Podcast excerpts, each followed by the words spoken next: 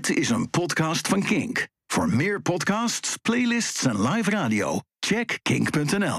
Kink. Kink op de week. In 1978 schreven Bassie en Adriaan het nummer De Spaanse Zon. Met daarin de tekst: In Spanje, in Spanje, in Spanje schijnt altijd de zon.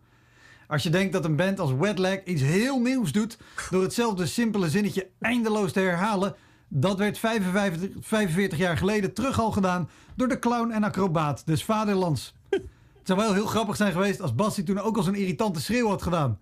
Oké, ik heb geoefend op mijn langste en mijn hardste schreeuw. Oh, Adriaantje! Maar Bassie en Adriaan waren hun tijd niet alleen ver vooruit op het gebied van repetitieve flutmuziek. Ook meteorologisch hadden ze de toekomst al goed aan de binnenkant van hun ogen bekeken. In Spanje schijnt namelijk de afgelopen maanden altijd de zon. De maand april was er de warmste en droogste april sinds het bijhouden. Het is alsof je daar in de sauna bij een opgieting zit met de geuren knoflook en olijf. Bij wijze van spreken dan, want bij een opgieting zit altijd een of andere bejaard op het bovenste bankje met zijn of haar armen boven het hoofd, zodat elke geurcombinatie wordt uitgebreid met die van zweet en aanstellerij. En die olijven zijn ook bij wijze van spreken, want de oogst van dit jaar is al volledig afgeschreven.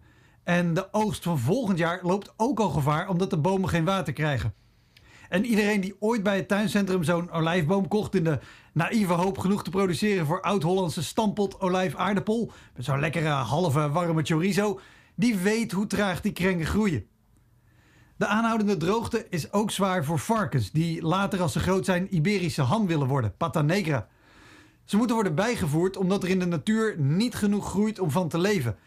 En hoewel je in Nederland de indruk krijgt dat de natuurlijke leefomgeving van varkens bestaat uit bestonnen stallen met stalen roosters, leven ze in Spanje buiten. En dat het zo droog is, is een gevolg van klimaatverandering. Het weer is door klimaatverandering, net als de uitspraken van de fascistoïde primaten Thierry Baudet en Gideon van Meijeren, wanneer ze aandacht tekort komen, het wordt steeds extremer.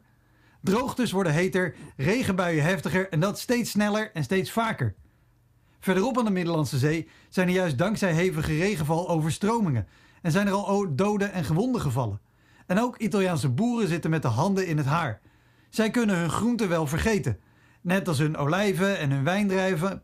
Dus klimaatverandering maakt je wijn duurder en het helpt je borrelplank om zeep. Maar er is goed nieuws. We vliegen minder. Oké, omdat Transavia vluchten schrapt, maar toch. Hè? De kans dat je Transavia vlucht echt plaatsvindt is nu zo klein dat mensen al klappen bij het opstijgen. En iedereen die het afgelopen jaar een omgekeerde vlag had hangen of een rode zakdoek aan zijn auto hing om te laten weten dat hij zo begaan is met de boeren, die komt nu in actie. Dat kan niet anders, toch? Want dankzij klimaatverandering zijn boeren de klos en zonder boeren geen eten. Dan maar minder vaak vliegen. Dan maar wat minder Bassie en Adriaan worst.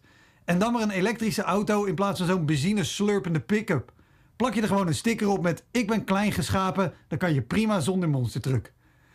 Wie nu nog steeds niet wil horen dat klimaatverandering bestaat, is dover dan B2 en B100 bij elkaar. Als we niet snel in actie komen, kunnen onze kinderen straks niks anders zeggen dan drommels, drommels, drommels en nog eens drommels. Bedankt voor het luisteren naar deze Kink podcast. Abonneer je op deze podcast via de Kink app en wees altijd op de hoogte.